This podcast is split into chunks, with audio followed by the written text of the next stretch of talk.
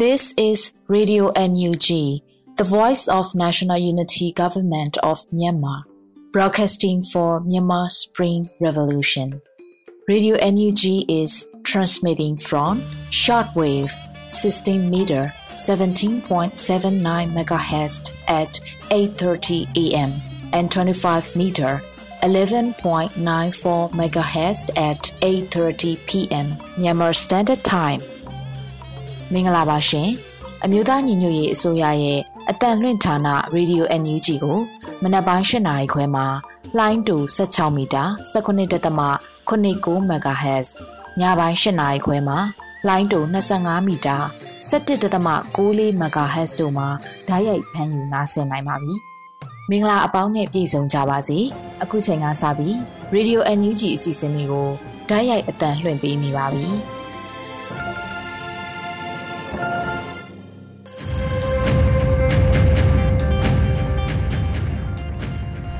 မြန်မာနိုင်ငံသူနိုင်ငံသားအပေါင်းတဘာဝပင်စစ်အာဏာရှင်ဘေးတို့ကနေကင်းဝေးပြီးကိုစိတ်နှပါကျမ်းမာလုံခြုံကြပါစေလို့ရေဒီယိုအန်ယူဂျီအဖွဲ့သားများကဆုတောင်းမေတ္တာပို့သလာရပါတယ်ရှင်။အခုချိန်မှစပြီးကာကွယ်ဝိညာဉ်ဌာနမှထုတ်ဝေသောစစ်ရေးတရေအကျဉ်းချုပ်ကိုတင်ဆက်ပေးသွားမှာဖြစ်ပါတယ်ရှင်။ကာကွယ်ဝိညာဉ်ဌာနအမျိုးသားညီညွတ်ရေးအစိုးရမှထုတ်ဝေတဲ့နေ့စဉ်စစ်ရေးတရေအကျဉ်းချုပ်ကို ကျွန်တော်ရန်နိုင်ကတင်ဆက်ပေးပါတော့မယ်။စစ်ကောင်စီနဲ့တိုက်ပွဲဖြစ်ပွားမှုအခြေအနေများကိုတင်ဆက်ပေးပါမယ်။ကြားပြည်နယ်မှာဇန်နဝါရီလ3ရက်နေ့ကဒီမုံစုံမျိုးနဲ့ထူလီပီလာကျေးရွာနီးတဲတောင်မှာဖလူဆိုဘတ်မှစစ်ကြောင်းထိုးလာတဲ့စစ်ကောင်စီစစ်ကြောင်းနဲ့ KND တပ်မတော် KA KNDF တို့တိုက်ပွဲပြင်းထန်ခဲ့ပြီးစစ်ကောင်စီတပ်သား14ဦးတေဆုံး9ဦးဒဏ်ရာရခဲ့ကြောင်းသိရှိရပါတယ်ခင်ဗျာ။ ချင်းပြည်နယ်မှာဇန်နဝါရီလ3ရက်နေ့မနက်9:30မိနစ်30ချိန်ခန့်ကမတူပီမြို့နယ်မတူပီပလောက်ဝလမ်းပေါ်တဲဝစ်စကန်အား CDF မတူပီကဝင်ရောက်တိုက်ခိုက်ခဲ့ရာစစ်ကောင်စီတပ်သား9ဦးသေဆုံးပြီး10ဦးဒဏ်ရာရရှိခဲ့တယ်လို့သိရှိရပါတယ်ခင်ဗျာ။စကိုင်းတိုင်းမှာတော့ဇန်နဝါရီလ4ရက်နေ့မနက်6နာရီခန့်ကမုံရွာအရတော်လမ်းမတနေရာမှာစစ်ကောင်စီထောက်ဖို့ကားနှစ်စီးအနက်မှဒုတိယမြောက်ရင်ကို ညီနောင်ရှစ်ဖွဲ့ကမိုင်းဆွဲတိုက်ခိုက်ခဲ့ပါတယ်။မနက်9နာရီမှာဆက်လက်ထွက်ခွာလာတဲ့ကြမ်းရှိနေတဲ့စစ်ကောင်စီထောက်ဖို့ကားတစ်စီးကိုမကြီးသုံးပင်ကွေမှာညီနောင်ရှစ်ဖွဲ့ကထပ်မံမိုင်းခွဲတိုက်ခိုက်ခဲ့ပါတယ်။ဇန်နဝါရီလ4ရက်နေ့မနက်6:15မိနစ်အချိန်ကအရတော်မြို့နယ်ဇရိရွာမှာတပ်ဆွဲထားတဲ့စစ်ကောင်စီတပ်နဲ့ပြူစောတီပူပေါင်းအင်အားတရာကျော်နဲ့ ငွေတွင်းရွာမှာအဆောင်အဖြစ်ကျန်တဲ့စစ်ကောင်စီများကိုမဟာမိတ်ပူးပေါင်းဖွဲ့များကဝင်ရောက်တိုက်ခိုက်ခဲ့ကြပါတယ်။ဇန်နဝါရီလ၄ရက်နေ့မနက်စောပိုင်းကစကိုင်းမှရွှေဘိုသို့ဦးတီလာတဲ့မိုးကအုပ်ထားတဲ့စစ်ကောင်စီထောက်ဖို့စနဘိန်ကားကြီးတစ်စီးကိုပရိုလိုက်ဖွဲ့ကမိုင်းဆွဲတိုက်ခဲ့ရာစစ်ကောင်စီထောက်ဖို့ကားထိုးရသွားပြီးဖြည်းဖြည်းသာမောင်းနေခဲ့ရာအဆိုပါကားကိုပင်ကြောင်လက်သေးဖွဲ့ကထပ်မံမိုင်းဆွဲရာလုံးဝရက်တန့်ပျက်စီးသွားခဲ့ပါတယ်။ ဇန်နဝါရီလ၄ရက်နေ့မနက်6နာရီခန့်ကမုံရွာမြို့နယ်ညောင်မြင်ဆောင်နဲ့အမြင့်လန်းဆုံးတို့မှာစစ်ကောင်စီတပ်သား20ခန့်ကိုဒေသကာကွယ်ရေးမဟာမိတ်ဖွဲ့များကပရိသာမိုင်းများဖြင့်တိုက်ခိုက်ခဲ့ပါတယ်။ဇန်နဝါရီလ၄ရက်နေ့မနက်၄နာရီ12မိနစ်ချိန်ခန့်က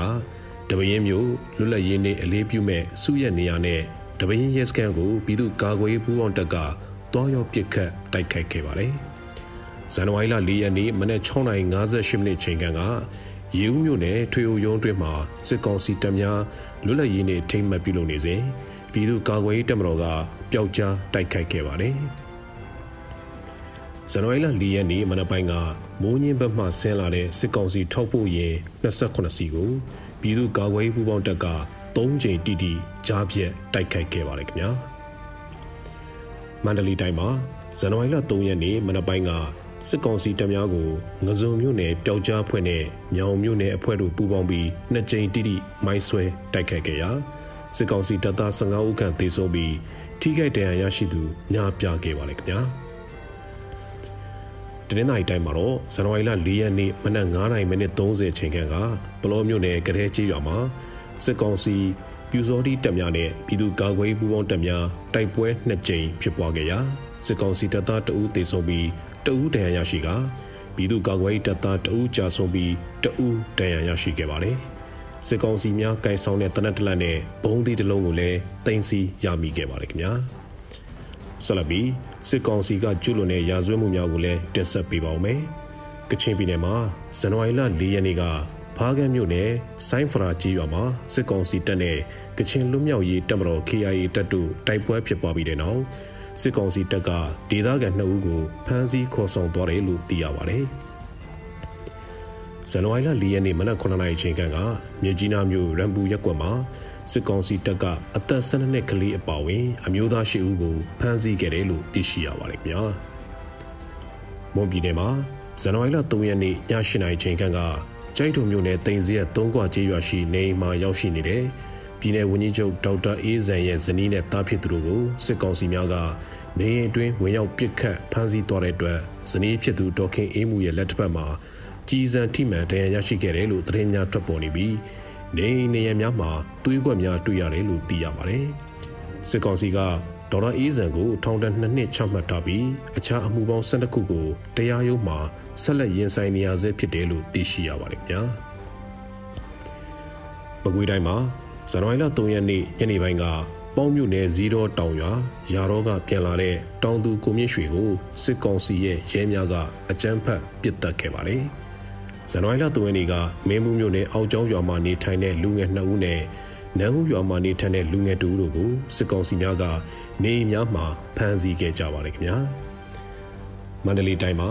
ဇန်နဝါရီလ3ရက်ညပိုင်းက နထိုးကြီးမြို့နယ်ဘဲချက်ကျေးရွာမှာဒေသခံပြည်သူအမျိုးသားတဦးအမျိုးသမီးတဦးကိုစစ်ကောင်စီများကအကြမ်းဖက်ဖမ်းဆီးခဲ့ကြပါတယ်ခင်ဗျာအခုတင်ဆက်ပေးခဲ့တဲ့နေ့စဉ်စီးရီးသတင်းအကျဉ်းချုပ်များကိုတော့မြေပြင်သတင်းတာဝန်ခံများနဲ့သတင်းဌာနများမှဖော်ပြလာတဲ့အချက်အလက်များပေါ်မှာအခြေခံပြုစုထားတာပဲဖြစ်ပါတယ်ကျွန်တော်ကတော့ရှင်းနိုင်ပါခင်ဗျာ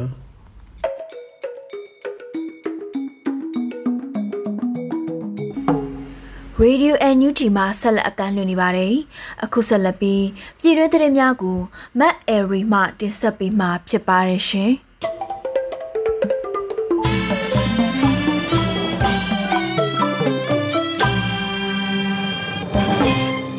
မင်္ဂလာပါရှင်အခုချိန်ကစပြီး Radio NUG မနက်ခင်းသတင်းတွေကိုတင်ပြပေးတော့မှာဖြစ်ပါတယ်အခုတင်ပြပေးမယ့်သတင်းတွေကိုတော့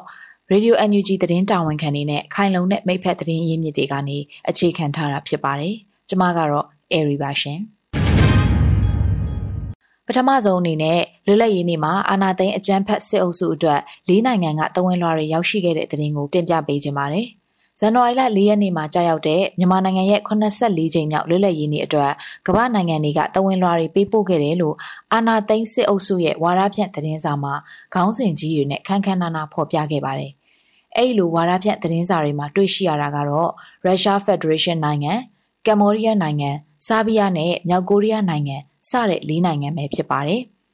အဲ့လိုမျိုးအာနာရှင်နဲ့အာနာရှင်တပိုင်းနိုင်ငံတွေရဲ့တဝန်လွှာပေးပို့မှုကိုစစ်အုပ်စုသတင်းစာမှာတမျက်နှာအပြည့်ခန်းခန်းနာနာဖော်ပြခဲ့ပေမဲ့ရုရှားဖက်ဒရေးရှင်းနိုင်ငံကတဝန်လွှာနှစ်ဆောင်ဖြစ်ပြီးကမ္ဘောဒီးယားနိုင်ငံကသုံးဆောင်အထိဖော်ပြပါရှိခဲ့တာဖြစ်ပါတယ်။ဆာဘီးယားနိုင်ငံသားရေးဝန်ကြီးထံကတစောင်အပါအဝင်မြောက်ကိုရီးယားနိုင်ငံကလည်းစစ်ကောင်စီလက်အောက်ခံဥဝနမောင်လင်ထံကိုတစောင်ပေးပို့ထားတာတွေ့ရပါတယ်။ စစ်ကောင်စီကိုအဓိကထောက်ပံ့နေကြတဲ့နိုင်ငံအဖြစ်လူသိများတဲ့တရုတ်နိုင်ငံကတဝန်လွှာပေးပို့တာကိုတော့မတွေ့ရှိရသလိုတခြားသောအာဆီယံနိုင်ငံတွေရဲ့တဝန်လွှာပေးပို့မှုတွေကိုလည်းမတွေ့ရပါဘူး။ဒီနေ့ကြာရောက်တဲ့လွတ်လပ်ရေးနေ့အခါသမယမှာမြန်မာနိုင်ငံကနေဒါတန်ယုံကမြန်မာပြည်သူတွေရဲ့ဒီမိုကရေစီရရှိရေးအတွက်ရဲစွမ်းတတိနဲ့ကြံ့ကြံ့ခံနိုင်မှုတို့ကိုချီးကျူးဂုဏ်ပြုလိုပါကြောင်းရန်ကုန်အခြေစိုက်ကနေဒါတန်ယုံကရေးသားဖော်ပြခဲ့ပါတယ်။ကနေဒါတန်ယုံကမြန်မာတို့ရဲ့လွတ်လပ်ရေးနဲ့ပတ်သက်ပြီးဆက်လက်ဖော်ပြရမှာ နှစ်ပေါင်းရှည်ကြာလွတ်လပ်ရေးအတွက်တိုက်ပွဲဝင်ပြီးတဲ့နောက်မြန်မာနိုင်ငံဟာဇန်နဝါရီလ၄ရက်နေ့မှာလွတ်လပ်တဲ့နိုင်ငံတစ်နိုင်ငံဖြစ်လာခဲ့ကြောင်းယနေ့အခါတွင်လည်းဒီမိုကရေစီဆိုင်ရာလွတ်လပ်ခွင့်တွေ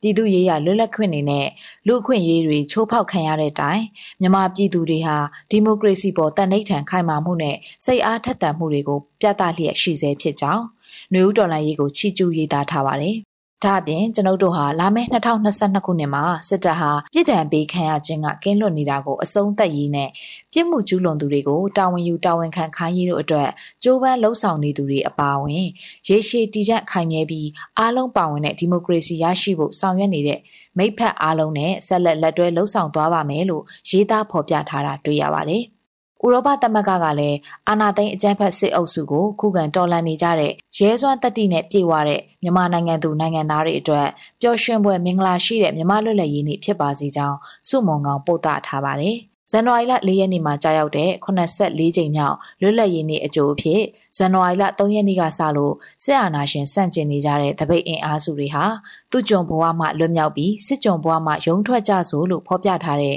ပန်းနိုင်စာတမ်းတွေကိုကင်ဆောင်ချိတ်ဆွဲလို့စစ်အာဏာရှင်ကိုအမြင့်ပြတ်ချိန်မုံရေးလှုံ့ဆော်တိုက်ပွဲဝင်ခဲ့ကြပါတယ်။အနေနဲ့အရရက်ကမြန်မာနိုင်ငံသားတွေဟာလည်းပဲဖေဖော်ဝါရီလ၁ရက်နေ့ကစလို့အာနာသိန်းခံစစ်ကြုံဘဝရောက်နေတဲ့အခုနှစ်လွတ်လပ်ရေးနေ့ကိုဝမ်းနည်းစွာနဲ့ ပျော်ပွဲရှင်ပွဲတွေကျင်းပလှုပ်ရှားကစားနိုင်ခဲ့ခြင်းမရှိဘူးလို့သိရပါတယ်ရှင်။ဆက်လက်ပြီးဖလူကြီးကျေးရွာမှာစစ်ဆောင်စခန်းကနေရက်ပြန်လာတဲ့အမျိုးသမီးတူလက်နက်ကြီးထိမှန်တိတ်ဆုံးသွားတဲ့တဲ့ရင်ကိုတင်ပြပေးပါမယ်။ လေးကေကော်တိုက်ပွဲတွေမှာဒေသခံပြည်သူတွေကအာနာသိန်းအကြမ်းဖက်စစ်အုပ်စုရဲ့လေကြောင်းတိုက်ခိုက်မှုရန်ကိုတင်းရှောင်ခဲ့ပြီးမြဲဇန်နဝါရီလ၁ရက်နေ့ညနေပိုင်းမှာနေရက်ပြန်ခဲ့မိတဲ့အမျိုးသမီးတဦးကတော့စစ်ကောင်စီပြစ်တဲ့လက်နက်ကြီးထိမှန်ပြီးတေဆုံးခဲ့ရပါတယ်။နေ့စဉ်လိုလိုဖြစ်နေတဲ့တိုက်ပွဲတွေမှာအကြမ်းဖက်စစ်ကောင်စီဘက်ကလက်နက်ကြီးကိုပဲအ धिक အသုံးပြုတဲ့အပြင်အထိနာတဲ့အခါတိုင်းလေကြောင်းကတဆင့်လာရောက်ပစ်ခတ်လေးရှိပါတယ်။ ကရင်ပြည်နယ်မြောက်ရီမြို့တောင်ဘက်မှာရှိတဲ့လေးကီကော်မြို့တဲ့အနီးကဖလူကြီးကျေးရွာကဒေသခံအမြောက်များဟာထိုင်းနိုင်ငံဘက်အချမ်းကိုစစ်ပြေးခဲ့ကြပေမဲ့အသက်42နှစ်အရွယ်ရှိတဲ့အမျိုးသမီးတဦးဖြစ်တဲ့ဒေါ်ဆန်းဆန်းအေးကတော့နေရက်ပြန်လို့ရပြီဆိုတော့စစ်ကောင်စီဘက်ကစီယုံမှုတွေကိုယုံကြည်မိရာကနေအခုလိုအိမ်ပြန်ရင်အသက်ဆုံးရှုံးသွားတာပဲဖြစ်ပါတယ်။ BGF ကဗိုလ်မုတ်တုံကထိုင်းဘက်ကန်းရောမြန်မာဘက်ကန်းအန်ကရောလူတွေကိုနေရက်ပြန်လို့ရပြီလို့ပြောတာရှိတယ်။အဲ့ဒီအတွက်ပြန်ကြတဲ့သူတွေရှိတယ်။တချို့ကလည်းပစ္စည်းလေးတွေပြန်ယူကြတာပေါ့။အဲ့ပြန်တဲ့လူတွေကမှဒီအမျိုးသမီးကလက်နက်ကြီးထိမှန်ခဲ့တာလို့ဒေတာကန်သတင်းအရင်မြစ်ကပြောပါတယ်။ဒေါ်ဆန်းဆန်းအေးဟာဇန်နဝါရီလ3ရက်နေ့ညနေ6နာရီခွဲခန့်ကဘလူးရွာအနီးတိုက်ပွဲမှာစစ်ကောင်စီတပ်ပစ်ခတ်လိုက်တဲ့လက်နက်ကြီးကြီးစားထိမှန်ပြီးဇန်နဝါရီလ4ရက်နေ့မနက်မှာသေဆုံးခဲ့တာဖြစ်ပါတယ်။ စစ်ရှောင်းနေနေရက်ပြန်လာဖို့နဲ့လုံခြုံရေးတာဝန်ယူမှာဖြစ်တယ်။မဲ့တပေါက်မစွန်းစရာဘူးလို့စစ်ကောင်စီလက်အောက်ခံနေကြားဆောင်တက် BGF ကဗိုလ်မှူးစောမုတ်တုံကဒီဇင်ဘာလ29ရက်နေ့ကပြောကြားခဲ့တယ်လို့ပဲစစ်ကောင်စီဘက်ကလည်း၎င်းတို့ဟာဒီမိုကရေစီလိုလားသူတော်လှန်ရေးတပ်ဖွဲ့တွေကိုသာပြစ်မှတ်ထားတာဖြစ်တာကြောင့်ပြည်သူတွေနေရက်ပြန်ကြဖို့တိုက်တွန်းခဲ့ပြီးတဲ့နောက်ပိုင်းအခုလိုပဲဒေါ်ဆန်းဆန်းအေးဟာစစ်ကောင်စီရဲ့လက်နက်ကြီးထိမှန်တိတ်ဆုံးရသူဖြစ်လာခဲ့ပါတယ်။ အမှန်ကလူလူတွေကလွတ်တဲ့နေရာကိုရောက်ပါပြီ။မဲတပေါက်မှမစွန်းစေရဘူးလို့ဘုံမုတ်တုံကပြောတယ်။ပြန်လာခိုင်းပြီးတော့လူလူလုံခြုံရေးအတွက်ဘာတာဝန်ခံမှုတာဝန်ယူမှုမှမရှိတော့ဒီလိုဖြစ်သွားတာပေါ့လို့နေရက်ပြန်စစ်ဆောင်အတိုင်းဝိုင်းတွေကပြည်သူတအူးကပြောပါတယ်။ KNU ကရင်အမျိုးသားအစည်းအရုံးကပြောခွင့်ရသူဖရိုစောတော်နီက NCA ကိုဟန်ဆောင်အတုံးချနေပြီးလူလူကိုပြန်တက်နေတဲ့စစ်ကောင်စီကိုအမြင့်ပြုတ်အောင်တိုက်ဖို့ပြက်ပြက်သားသားပြောဆိုခဲ့ပါတယ်။ ဒီဇင်ဘာလ15ရက်နေ့ကလေးကစခဲ့တဲ့အာနာသိန်းစစ်တပ်နဲ့ KNL ပူးပေါင်းတပ်ဖွဲ့တွေရဲ့နှစ်ဖက်တိုက်ပွဲအခြေအနေကတော့ဇန်နဝါရီလ4ရက်နေ့အထိတိုင်အောင်စစ်ရေးရင်ဆိုင်တင်းမာနေစေဖြစ်ပါတယ်ရှင်။ဆက်လက်ပြီး NLD ပါတီတောင်တာမြို့နယ်လူငယ်လုပ်ငန်းအဖွဲ့ဝင်တအူစစ်ကြောရေးမှာတပ်ဖြတ်ခံလိုက်ရတဲ့တဲ့ရင်ကိုတင်ပြပေးပါမယ်။တောင်တာ NLD ပါတီရဲ့သတင်းပြန်ကြားရေးတာဝန်ခံဦးစောထွေးရဲ့ပြောပြချက်အရ မန္တလေးတိုင်းတောင်တာမြို့နယ်အမျိုးသားဒီမိုကရေစီအဖွဲ့ချုပ် NLD ပါတီမြို့နယ်လူငယ်လုပ်ငန်းအဖွဲ့ဝင်ကိုသိန်းစိုးခေါ်တန်းစိုးဟာဇန်နဝါရီလ3ရက်နေ့ကနှိပ်စက်ခံရရင်ကြာဆုံးခဲ့တယ်လို့သိရပါတယ်။တပိတ်စစ်ကြောင်းမှာရှေ့ဆုံးကအလံကင်ခဲ့သူကိုသိန်းစိုးကိုပုံမှန်905ကကြီးနဲ့ဝရမ်းထုတ်ခဲ့ပြီးတဲ့နောက်စစ်ကောင်စီတပ်ကဖမ်းမိခဲ့ရာအဝတ်တွေချွတ်ပြီးရိုက်နှက်ညှင်းဆဲခံရပြီးတဲ့နောက်ပိုင်းဇန်နဝါရီလ2ရက်နေ့ကလေးကအဆက်အသွယ်မရတော့ပါဘူး။ ကိုသိန်းစိုးဟာပြီးခဲ့တဲ့လပိုင်းကနေရက်ကိုပြန်လည်နေထိုင်ခဲ့ရာဒီဇင်ဘာလ26ရက်ည7:00နာရီမှာတောင်တာမြို့နယ်ကြောက်တလုံးဆယ်လမ်းမှာဖမ်းဆီးခံခဲ့ရတာဖြစ်ပါတယ်။ဖမ်းဆီးခံရပြီးတဲ့နောက်မြို့နယ်စေယုံမှာထားပြီးဒီဇင်ဘာလ28ရက်ညအထိမျက်နှာနဲ့ကိုယ်မှာညိုမဲတန်ရာတွေနဲ့ဒီလိုအရန်အေးတဲ့ရာသီမှာလူမဆန်စွာကိုတုံးလုံးချွတ်ပြီးရိုက်နှက်တာမျိုးလုပ်နေတယ်။နောက်ရက်တော့ဘဲကိုခေါ်သွားမှမသိရဘူး။တေလားရှင်လားလည်းမသိရဘူးလို့ ကိုသိန်းစိုးမကြဆုံးခင်ချိန်အထိနီးစပ်သူတွေထံကနေအခုလိုသတင်းတွေကြားသိခဲ့ရပါတယ်။တောင်တာမြို့နယ်အထက်ကတဲ့စာတင်ကျောင်းတွင်းကစစ်ကြောရေးစခန်းမှာစစ်ကောင်စီတပ်အင်အား80ခန့်နဲ့ကိုသိန်းစိုးကိုဝိုင်းဝန်းနှိပ်စက်ခဲ့ကြတာပါ။26ရက်နေ့ညကလိုပဲအဝတ်တွေချွတ်ပြီးနှိပ်စက်တာစစ်ကြောရေးရောက်တဲ့အထိပဲသူ့ကိုအယံမူးအောင်တိုက်ပြီးစစ်တယ်။သူတို့လိုချင်တဲ့အဖြစ်မရတော့သူ့ကိုလက်သေးခြေသေးကုန်နေခွာပစ်တယ်။တမန်တလင်းကြမ်းမြင့်မော်တုံးလုံးလှည့်ခိုင်းပြီးရေနဲ့လောင်းတယ်။ ကျမ်းမြေကိုလည်းရေးဆိုအောင်အမြဲထားပြီးနှိပ်စက်တာမနေ့ကတည်သွားတယ်အလောင်းလည်းပြန်မပေးဘူးမိသားစုဝင်တွေကိုလည်းအကြောင်းမကြားဘူးကျန်းခါရေးပါတီကသတင်းတာဝန်ခံဟောင်းကိုပြစ်ဖြိုးမောင်နဲ့စီယုံရီမှုနှစ်ယောက်တို့ဦးဆောင်ပြီးတော့အဖမ်းဆီးခံရတဲ့သူတွေကိုအခုလိုပဲနှိပ်စက်လေးရှိတယ်လို့ဦးစော်ထွေးကပြောပါတယ်စစ်ကြောရေးမှာစစ်ကောင်စီအဖွဲ့ရဲ့ညှဉ်းပန်းတပ်ဖြတ်ခံရပြီးကြာဆုံးသွားခဲ့တဲ့ကိုသိန်းစိုးဟာ တောင်တာမြို့နယ်အမှတ်၁ရပ်ကွက်မှာနေထိုင်ပြီးဆိုင်ကယ်ရေးဆေးစီလိုက်လောက်ကင်သူဖြစ်တယ်လို့သူ့ကိုဖမ်းဆီးပြီးတဲ့နောက်မှာလဲမိခင်နဲ့အမားဖြစ်သူတို့လည်းရှောင်တိန်နေရတယ်လို့ဒေသခံတွေကပြောပြကြပါတယ်။တောင်တာမြို့နယ်မှာဒီဇင်ဘာလ28ရက်နေ့ကစလို့အိမ်အောင်စုဇယားနဲ့အိမ်ရှိလူတွေကိုလိုက်လံစစ်ဆေးတာတွေပြုလုပ်ပါတယ်။အိမ်အောင်စုဇယားမှာပါဝင်ပေမဲ့လည်းအိမ်မှာမရှိတဲ့သူတွေကိုပြန်လာဖို့နဲ့ ပြန်မလာရင်မိသားစုဝင်တွေကိုဖမ်းဆီးတာနေအိမ်ကိုချိတ်ပိတ်တာတွေကိုလည်းအာဏာသိမ်းအကြမ်းဖက်စစ်အုပ်စုကကျူးလွန်နေတယ်လို့သိရပါတယ်။နိုင်ငံတကာအဖွဲ့အစည်းတွေနဲ့ကုလသမဂ္ဂအဖွဲ့အစည်းတွေကအာဏာသိမ်းစစ်ကောင်စီရဲ့လူမဆန်တဲ့ရာဇဝတ်မှုတွေကိုရပ်တန့်မှုအကြိမ်ကြိမ်တတိပေးနေတဲ့ကြားမှာပဲအခုလိုဖမ်းဆီးစစ်ဆေးရာကနေလက်လွန်ပြီးတက်ဖြတ်မှုအလောင်းဖြောက်ဖြတ်မှုဖြစ်စဉ်တွေဟာဖြစ်ပွားနေစေဖြစ်ပါတယ်ရှင်။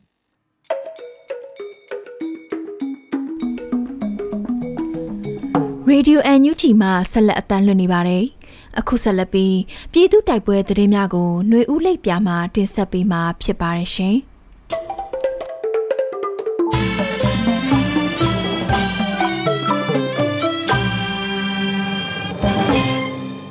ဆုံးအနေနဲ့ KNU တပ်မဟာ9နယ်မြေတွင်ဒီဇင်ဘာလအတွင်းတိုက်ပွဲ226ကြိမ်ဖြစ်ပွားပြီးစစ်ကောင်စီဘက်မှတခွဲမှု၄ဦးအပါအဝင်135ဦးသေဆုံးက80ဒဏ်ရာရတဲ့တဲ့တင်တင်ဆက်မှာပါ။ကရင်မျိုးသားအစည်းအရုံး KNU တပ်မဟာ9နယ်မြေတွင်2021ခုနှစ်ဒီဇင်ဘာလအတွင်းအကြမ်းဖက်စစ်ကောင်စီတပ်နဲ့ကရင်မျိုးသားလွတ်မြောက်ရေးတပ်မတော် KNL ကြားတိုက်ပွဲ226ကြိမ်ဖြစ်ပွားခဲ့ပြီးစစ်ကောင်စီတပ်မှ135ဦးသေဆုံးက80ဦးဒဏ်ရာရရှိကြောင်း KNU မူတော်သတင်းစင်ထမ်းမှသိရှိရပါတယ်။တေဆုံးသူ135ဦးတွင်တက်ခွဲမှုလေးဦးပါဝင်ပြီးစစ်ကားနှစ်စီးလဲပျက်စီးသွားကြောင်းမူတော်သတင်းစင်ကဆိုပါတယ်။ဒီဇင်ဘာလအတွင်းတိုက်ပွဲများတွင် KNL တပ်ဖွဲ့ဝင်3ဦးကြာဆုံးခဲ့ပြီး73ဦးဒဏ်ရာရရှိကြောင်းဒီဇင်ဘာလ31ရက်နေ့တွင်အကြံဖတ်စစ်ကောင်စီတပ်ကပြည်ရင်နယ်ချဆောင်တပ်ဖွဲ့ဝင်တအုပ်ကိုပြစ်တက်လိုက်ကြောင်းမူတော်သတင်းစင်ကသတင်းထုတ်ပြန်ထားတာပါ။ ယနေ့ဒီဇင်ဘာလ၄ရက်နေ့နက်ပိုင်းတွင်လည်း KNU တပ်မဟာ6နယ်မြေ၄ကီကော့ဒေသရှိကြည်ရွာများသို့အကြမ်းဖက်စစ်ကောင်စီကလက်နက်ကြီးများဖြင့်ရန်တမ်းပစ်ခတ်နေကြောင်းသိရှိရပါသည်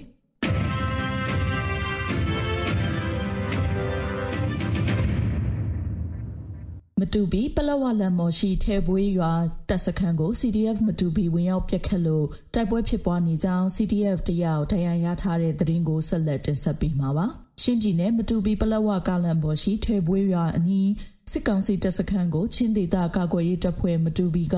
ယနေ့ဇန်နဝါရီလ၄ရက်နနက်9:00နာရီကျော်ကစတင်ပြီးဝင်ရောက်ပစ်ခတ်နေလို့တိုက်ပွဲဖြစ်ပွားနေပြီးလက်ရှိတွင်တိုက်ပွဲဖြစ်ပွားဆဲဖြစ်ပြီး CDF တအူဒဏ်ရာရရှိထားကြောင်း CDF မတူပီထံမှသတင်းရရှိပါရ ယ်။ဂျမနီတွင်လည်းအဆိုပါထဲပွဲရွာရှိစစ်ကောင်စီတပ်စခန်းကို CDF မတူပီကဝင်ရောက်တိုက်ခိုက်ခဲ့ပြီးစစ်သား9ဦးသေဆုံးသလို10ဦးခန့်ဒဏ်ရာရရှိကြောင်း CDF မတူပီကယမန်နေ့ကသတင်းထုတ်ပြန်ထားတာပါအလားတူယမန်နေ့ညနေပိုင်းတွင် မတူပီဟာခါလန်တွင်စစ်ကြောင်းချီလာသောစစ်ကောင်စီတပ်ဖွဲ့ကို CDF ကဖနိုင်းနှင့်ငလိုက်ရွာကြားတွင်ဝင်ရောက်တိုက်ခိုက်ခဲ့ပြီးစစ်ကောင်စီတပ်သား2ဦးကိုအရှင်ဖမ်းမိခဲ့ပြီးလက်ရှိတွင်ထိန်းသိမ်းထားကြောင်း CDF မတူပီ ပြောခွင့်ရထက်မှသိရှိရပါတယ်ရှင်။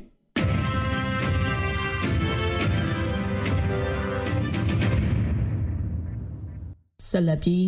ကြိုက်ထိုးစီအုံးချန်တချန်တွင်တက်ဆွဲထားသောစစ်ကောင်စီတပ်ကိုနနက်အစောဝင်ပစ်ခါစစ်သား30ကျော်ထိခိုက်ဒေဆုံးနိုင်တဲ့တဲ့ရင်ကိုတင်ဆက်ပေးကြပါမယ်။မွန်ပြည်နယ်ကြိုက်ထုံမြို့နယ်ရှိစီအုံးချန်တချန်တွင်တက်ဆွဲထားသောစစ်ကောင်စီတပ်ကိုတော်လိုင်းရဲတပ်ဖွဲ့တစ်ခုကဝင်ရောက်ပစ်ခတ်ရာစစ်သား30ကျော်သေဆုံးနိုင်ကြောင်း ဒေတာတော်လန်ရေးသတင်းရင်းမြစ် Chaito Revolution and Information Network ကသတင်းထုတ်ပြန်ပါတယ်။ယနေ့ဇန်နဝါရီလ၄ရက်နေ့နက်အစောပိုင်း9နာရီအချိန်ကြိုက်ထူမြို့စီအုံချန်တချန်တွင်တပ်ဆွဲထားသောစစ်ကောင်စီတပ်အင်အား40ဝန်းကျင်ကိုတော်လန်ရေးတပ်ဖွဲ့အထွဲကဝင်ရောက်ပစ်ခတ်ခဲ့ရာရင်းပစ်ခတ်မှုကြောင့်စက္ကစဘတ်မှ30ကျော်သေဆုံးနိုင်ပြီးကျန်ရှိသူများလည်းထိခိုက်ဒဏ်ရာရနိုင်ကြောင်းဒေသတော်လှန်ရေးတည်င်းရင်းမြစ် Jaito Revolution and Information Network ထပ်မံသိရှိရပါတယ်။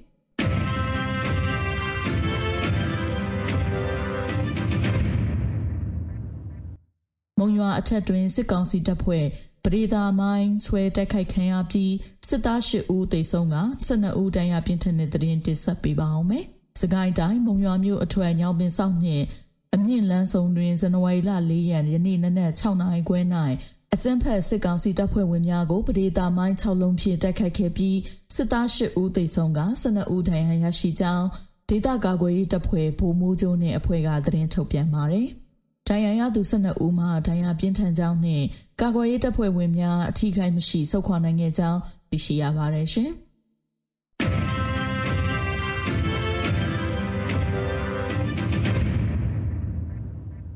နောက်ဆုံးအနေနဲ့အမျိုးသားညီညွတ်ရေးအစိုးရပြည်ထရေးနဲ့လူဝင်မှုကြီးကြပ်ရေးဝန်ကြီးဌာနက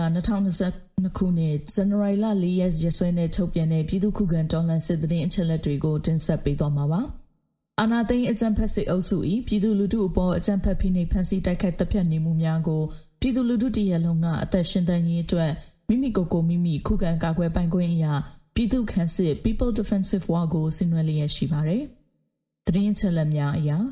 3ရက်တလ2022ရက်နေ့တွင်စစ်ကောင်စီတပ်ဖွဲ့ဝင်48ဦးသေဆုံးပြီးထိခိုက်ဒဏ်ရာရရှိသူ20ဦးအထိခုခံတိုက်ခိုက်နိုင်ခဲ့ပါတယ်။စစ်အာဏာရှင်စနစ်မြမမြေပေါ်မှအပြည့်တိုင်းချုပ်ငြိမ်းရေးနဲ့ Federal Democracy တည်ဆောက်ရေးအတွက်ငြင်းကြစွာဆန္ဒပြသည့်လူထုတပိတ်တိုက်ပွဲများကပြည်내နဲ့တိုင်းဒေသကြီးများမှာဖြစ်ပွားပေါ်ပေါက်လျက်ရှိပါတယ်။မြေပြင်မှာယခုတွေ့ရတဲ့သတင်းချက်လက်များထက်ပို၍ဖြစ်ပွားနိုင်ပါတယ်ရှင်။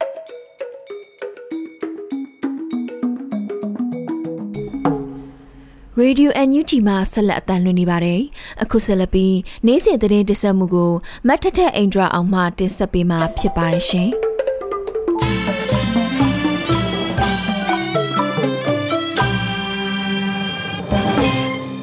အခုပထမဆုံးတင်ဆက်ပေးခြင်းတဲ့သတင်းကတော့အကြမ်းဖက်ခေါင်းဆောင်မင်းအောင်လှိုင်အပါအဝင်ရာဇဝတ်ကောင်တွေနဲ့နိုင်ငံရေးစကားဝိုင်းမှာတွေ့မှာမဟုတ်ဘူးလို့ယာယီသမရပြောကြားလိုက်တဲ့သတင်းမှာ ပြည်သူ့သွေးစွန်းနေတဲ့အကြမ်းဖက်ခေါင်းဆောင်မင်းအောင်လှိုင်အပါအဝင်ရာဇဝတ်ကောင်တွေနဲ့နိုင်ငံရေးစကားဝိုင်းမှာတွေ့မှာမဟုတ်ဘူးလို့အမျိုးသားညီညွတ်ရေးအစိုးရယာယီသမရဒူဝါလက်ရှိလာကဒီကနေ့ကြောက်တဲ့84နှစ်မြောက်လွတ်လပ်ရေးနေ့မိန့်ခွန်းပြောကြားတဲ့အချိန်မှာထည့်သွင်းပြီးပြောကြားလိုက်တာပါတကယ်တော့ပြည်သူ့သွေးစွန်းနေတဲ့ဆရာဇွဲကောင်တွေဆိုတာနိုင်ငံရေးစကားဝိုင်းကိုပို့ရမှာမဟုတ်ပါဘူးသူတို့ကိုပို့ရမယ့်နေရာကပြည်ရင်းပြည်ပရာဇဝတ်ခုံရုံးတွေပဲဖြစ်ပါတယ်။ အခုအချိန်မှာအကြမ်းဖက်စေအုပ်စုရဲ့လက်အောက်ခံဖြစ်နေပေမဲ့စေအုပ်စုရဲ့အကြမ်းဖက်မှုတွေကိုဆက်ဆုပ်တဲ့သူတွေစစ်တပ်ဟာနိုင်ငံနဲ့ပြည်သူကိုကာကွယ်စောင့်ရှောက်ဖို့ပါတပါနိုင်ငံရေးမှာဝင်ပတ်သက်စရာမလိုဘူးလို့နားလည်ခံယူတဲ့တပ်မှုတပ်သားတွေကိုတော့အမျိုးသားညီညွတ်ရေးအစိုးရကအစဉ်ရင်ဖွင့်ကြိုးစိုးနေမှာဖြစ်ပါတယ်လို့ယာယီသမရဒူဝါလက်ရှိလာကပြောကြားလိုက်တာပါ။ လွတ်လပ်ရေးချင်းညာစာတမ်းအပိုင်းကမှာနိုင်ငံတော်ဆိုတာမိသူတဦးတယောက်တစ်ဖွဲ့တစ်သိန်းရဲ့အမွေအနှစ်မဟုတ်ဘူးမိသူတဦးတယောက်တစ်ဖွဲ့တစ်သိန်းရဲ့ပုဂ္ဂလိကပိုင်းပစ္စည်းမဟုတ်မိသူတဦးတယောက်တစ်ဖွဲ့တစ်သိန်းကချုပ်ကင်အနိုင်သိမ်းယူအကျိုးခံစားတဲ့နိုင်ငံမဟုတ်ဘူးလို့ဖော်ပြထားပါတယ်။ အကျန်းဘတ်စေအုပ်စုကတော့လွတ်လပ်ရေးကြီးညာစာတမ်းပါလွတ်လပ်ရေးရဲ့အနှစ်သာရစံတပ်ပိုးတွေကိုဖြောင်ဖြောင်ကြီးစန့်ကျင်ပြီးနိုင်ငံကိုတပ်ဖွဲ့တသိန်းရဲ့ပုဂ္ဂလိကပိုင်းပစ္စည်းတပ်ဖွဲ့ချုပ်ကိုင်အပိုင်သိမ်းယူအကျိုးခံစားနေကြတဲ့အတွက်လဲတိုင်းပြည်ကိုစစ်ကြုံဘဝမှာနှိမ့်မွန်းနေစေခဲ့တာလို့လဲယာယီသမရကပြောပါတယ်။ 2021ခုနှစ်ဖေဖော်ဝါရီလရက်နေ့ဆီယနာသိမ်းမှုကတော့တမိုင်းတလျှောက်အယုတ်ဆုအကြီးတန်းဆုံးဖြစ်ပြီးနေ့စဉ်နဲ့အမျှလူမဆန်တဲ့နှီးပေါင်းစုံနဲ့ပြည်သူကိုအကြမ်းဖက်နှိပ်စက်တပ်ဖြတ်ကဆရာဆွေးမှုတွေဇက်တိုက်ကျူးလွန်နေတဲ့ဆိုတာကတော့ပြည်သူများကနိုင်ငံတကာကပါသိရှိပြီးဖြစ်ပါတယ်။အကြမ်းဖက်စစ်တပ်ဟာလည်းတက်မတော်ဆိုတဲ့အမည်နာမကိုခံယူရန်ထိုက်တန်ခြင်းမရှိတော့ပဲပြည်သူရန်သူအကြမ်းဖက်သမားများအဖြစ်ရှော့ကြသက်ဆင်းသွားပြီးလည်းဖြစ်ပါတယ်။ နှစ်ပေါင်း60အတွင်းမှာစစ်အုပ်စုကအာဏာသိမ်းယူပိုးကျဆုံးမှုခဲ့ပြီးပြည်သူတွေကလွတ်လပ်ခွင့်တွေဆုံးရှုံးနေရတယ်လို့လည်းပြောကြားထားပါတယ်။မြန်မာပြည်သူတွေအနေနဲ့တိုင်းတစ်ပါးကျွံဘဝကနေလွတ်မြောက်တာအနှစ်80ကျော်ပြီဖြစ်ပေမဲ့အခုအချိန်မှာစစ်ကျွံဘဝကိုရောက်နေပြီးစစ်အာဏာရှင်ရဲ့အကြမ်းဖက်ဖိနှိပ်မှုတံကိုအပြင်းထန်ခံစားနေကြရတာဟာဝမ်းနည်းစရာဖြစ်တယ်လို့လည်းထုတ်ပြန်ချက်မှာဖော်ပြထားတာကိုတွေ့ရပါတယ်ရှင်။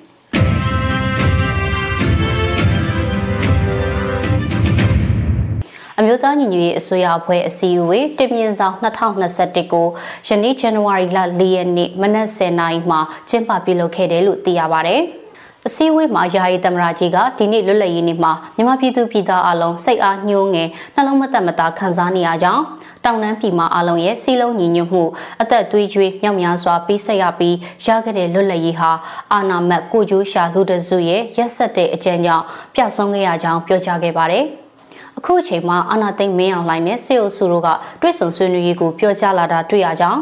ရိုင်းဆိုင်ပြီးတော့တိုင်းပြည်တစ်ခုလုံးကုန်းကောက်စရာမရှိအောင်ဖျက်ဆီးနေတဲ့အာနာသိမ့်မင်းအောင်လှိုင်နဲ့စေအိုစုကိုတွဲဆုံဆွေးနွေးဖို့ရန်အင်မတန်ခက်ခဲမှာဖြစ်ကြောင်းမင်းအောင်လန်တို့ကန်လှန်တဲ့တွဲဆုံဆွေးနွေးရေး NCA လမ်းကြောင်းကိုပယ်ချဖို့တိုင်းရင်းသားလက်နက်ကိုင်အဖွဲ့အစည်းအလုံးကိုပန်ကြားလိုတယ်လို့ဆိုပါတယ်။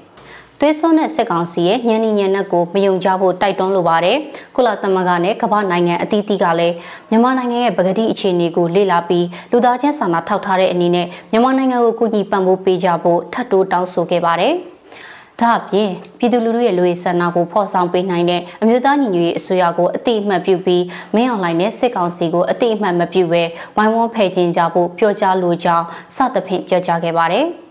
ပြည်ထောင်စုဝန်ကြီးချုပ်ကမြန်မာပြည်သူတွေအတွက်တိတ်ကိုကြမ်းတမ်းဆွေးရွားတဲ့2021ခုနှစ်ကတော့ကုန်လွန်သွားပြီဖြစ်ကြောင်း2022ခုနှစ်ဟာမြန်မာပြည်သူတွေအတွက်အောင်ပွဲတွေဇက်တိုက်ဆောင်ကျင်းပေးနိုင်မဲ့မင်္ဂလာနှစ်တစ်ခုဖြစ်လာမှသိကြကြောင်းမှတ်ချက်ပြုခဲ့ပါတယ်။ ကာကွယ်ရေးဝန်ကြီးပြောထားသလိုမျိုးကျွန်တော်တို့အတွက်အထူးကလိုအပ်ချက်၄ခုဖြစ်တဲ့ရန်ပုံငွေလက်နက်မဟာမိတ်စုဖွဲ့မှုနဲ့ပူးပေါင်းဆောင်ရွက်မှုဖြူဟာပိုင်းစတဲ့ကဏ္ဍ၄ခုစလုံးကိုပုံမှုဖြည့်ဆည်းလာနိုင်ပြီဖြစ်တဲ့အတွက်ကျွန်တော်တို့ပြည်သူတွေအတွက်အောင်ပွဲဟာမဝေးတော့ဘူးလို့ပြောကြားလိုတယ်လို့ဆိုပါတယ်။ ဂျားကာလာဒေသန္တရပြည်သူ့အုပ်ချုပ်ရေးဆိုင်ရာကိစ္စရပ်တွေမှာလည်းကော်မတီအနေနဲ့သတ်မှတ်ထားတဲ့နေရာဒေသတွေမှာနေမြေစုမှုရေးကိစ္စတွေနဲ့အုပ်ချုပ်ရေးရန်တရားလဲပတ်မှုရရှိနိုင်မှုတွေစီစဉ်ဆောင်ရွက်နေမှုဟာလည်းအဆင်ပြေပြေအောင်မြင်သွားမယ်လို့ယုံကြည်ကြောင်းအမျိုးသားညီညွတ်ရေးအစိုးရနဲ့အတူပူးပေါင်းဆောင်ရွက်နေတဲ့မဟာမိတ် EEO တွေကလည်းအတက်သရောပုံမှုပူးပေါင်းကူညီလာကြတဲ့အတွက်ကျွန်တော်တို့တော်လှန်ရေးအောင်မြင်မှုအတွက်အားရစရာတစ်ခုဖြစ်ပါတယ်။ ပြည်내ဆိုင်ရာအုပ်ချုပ်ရေးကိစ္စတွေအတွက်လည်းသက်ဆိုင်ရာပြည်내အတိုင်းအမြန်ကောင်စီတွေနဲ့တွေ့ဆုံပြီးတော့ညှိနှိုင်းဆွေးနွေးမှုတွေပြုလုပ်တဲ့အခါပုံမနားလည်မှုတွေရရှိလာပြီးပူးပေါင်းဆောင်ရွက်ရမယ့်ကဏ္ဍတွေအမျိုးသားညီညွတ်ရေးအစိုးရအနေနဲ့ကုညီပံ့ပိုးပေးရမယ့်ကဏ္ဍတွေစသဖြင့်သိရှိလာရပြီးတော့အနာဂတ်ဖက်ဒရယ်ဒီမိုကရေစီတည်ဆောက်မှုအတွက်အထောက်အကူပြုနိုင်အောင်ဆက်လက်တိုင်ပင်ဆောင်ရွက်သွားကြဖို့ရှိတယ်လို့ပြောကြားခဲ့ပါတယ်။ဒီတစ်ပတ်အတွင်းဂျာကာလာဒေသန္တရအုပ်ချုပ်ရေးကဏ္ဍအတွက်အင်မတန်အရေးကြီးတဲ့တရားစီရင်မနိုင်ဆိုင်ရာအစည်းအဝေးတစ်ခုကိုလည်းပြုလုပ်နိုင်ခဲ့တယ်။ဥပဒေပြုရေးမန်နိုင်ဖြစ်တဲ့ CRPH ကိုလည်းဖိတ်ကြားပြီးတော့အတူတကွဆွေးနွေးခဲ့ကြတဲ့အပြင်အခုနှစ်ဆန်းပိုင်းကစပြီးတော့ NUG အနေနဲ့အစိုးရတရရဲ့လုပ်ငန်းဆောင်တာတွေကိုစနစ်တကျပြပြပြင်းပြင်းလုပ်ကင်နိုင်အောင်စီမံသွားတော့မှာဖြစ်တဲ့အတွက်တရားရေးမန်နိုင်ထားရှိရေးကိစ္စဟာလည်းအင်မတန်အရေးကြီးတဲ့ကိစ္စတစ်ခုဖြစ်ပါတယ်။ ဒီနေ့တွင်းမှာကျွန်တော်တို့အနေနဲ့စီရေးလုံခြုံရေးကာကွယ်ရေးအုပ်ချုပ်ရေးဆိုင်ရာမဟာဗျူဟာတွေကိုအားစိုက်ရမှာဖြစ်တယ်လို့နိုင်ငံတကာဘက်ကိုလည်းမျက်ခြေပြလို့မဖြစ်ပါကြောင်းနိုင်ငံတကာရဲ့ပြောင်းလဲလာတဲ့အခြေအနေတွေကိုအမြင့်မပြတ်သုံးသပ်ပြီးဆက်ဆက်ဝင်ကြီးဌာနတွေကစီမံဆောင်ရွက်ပေးကြဖို့တိုက်တွန်းလိုတယ်လို့ဆိုပါတယ်။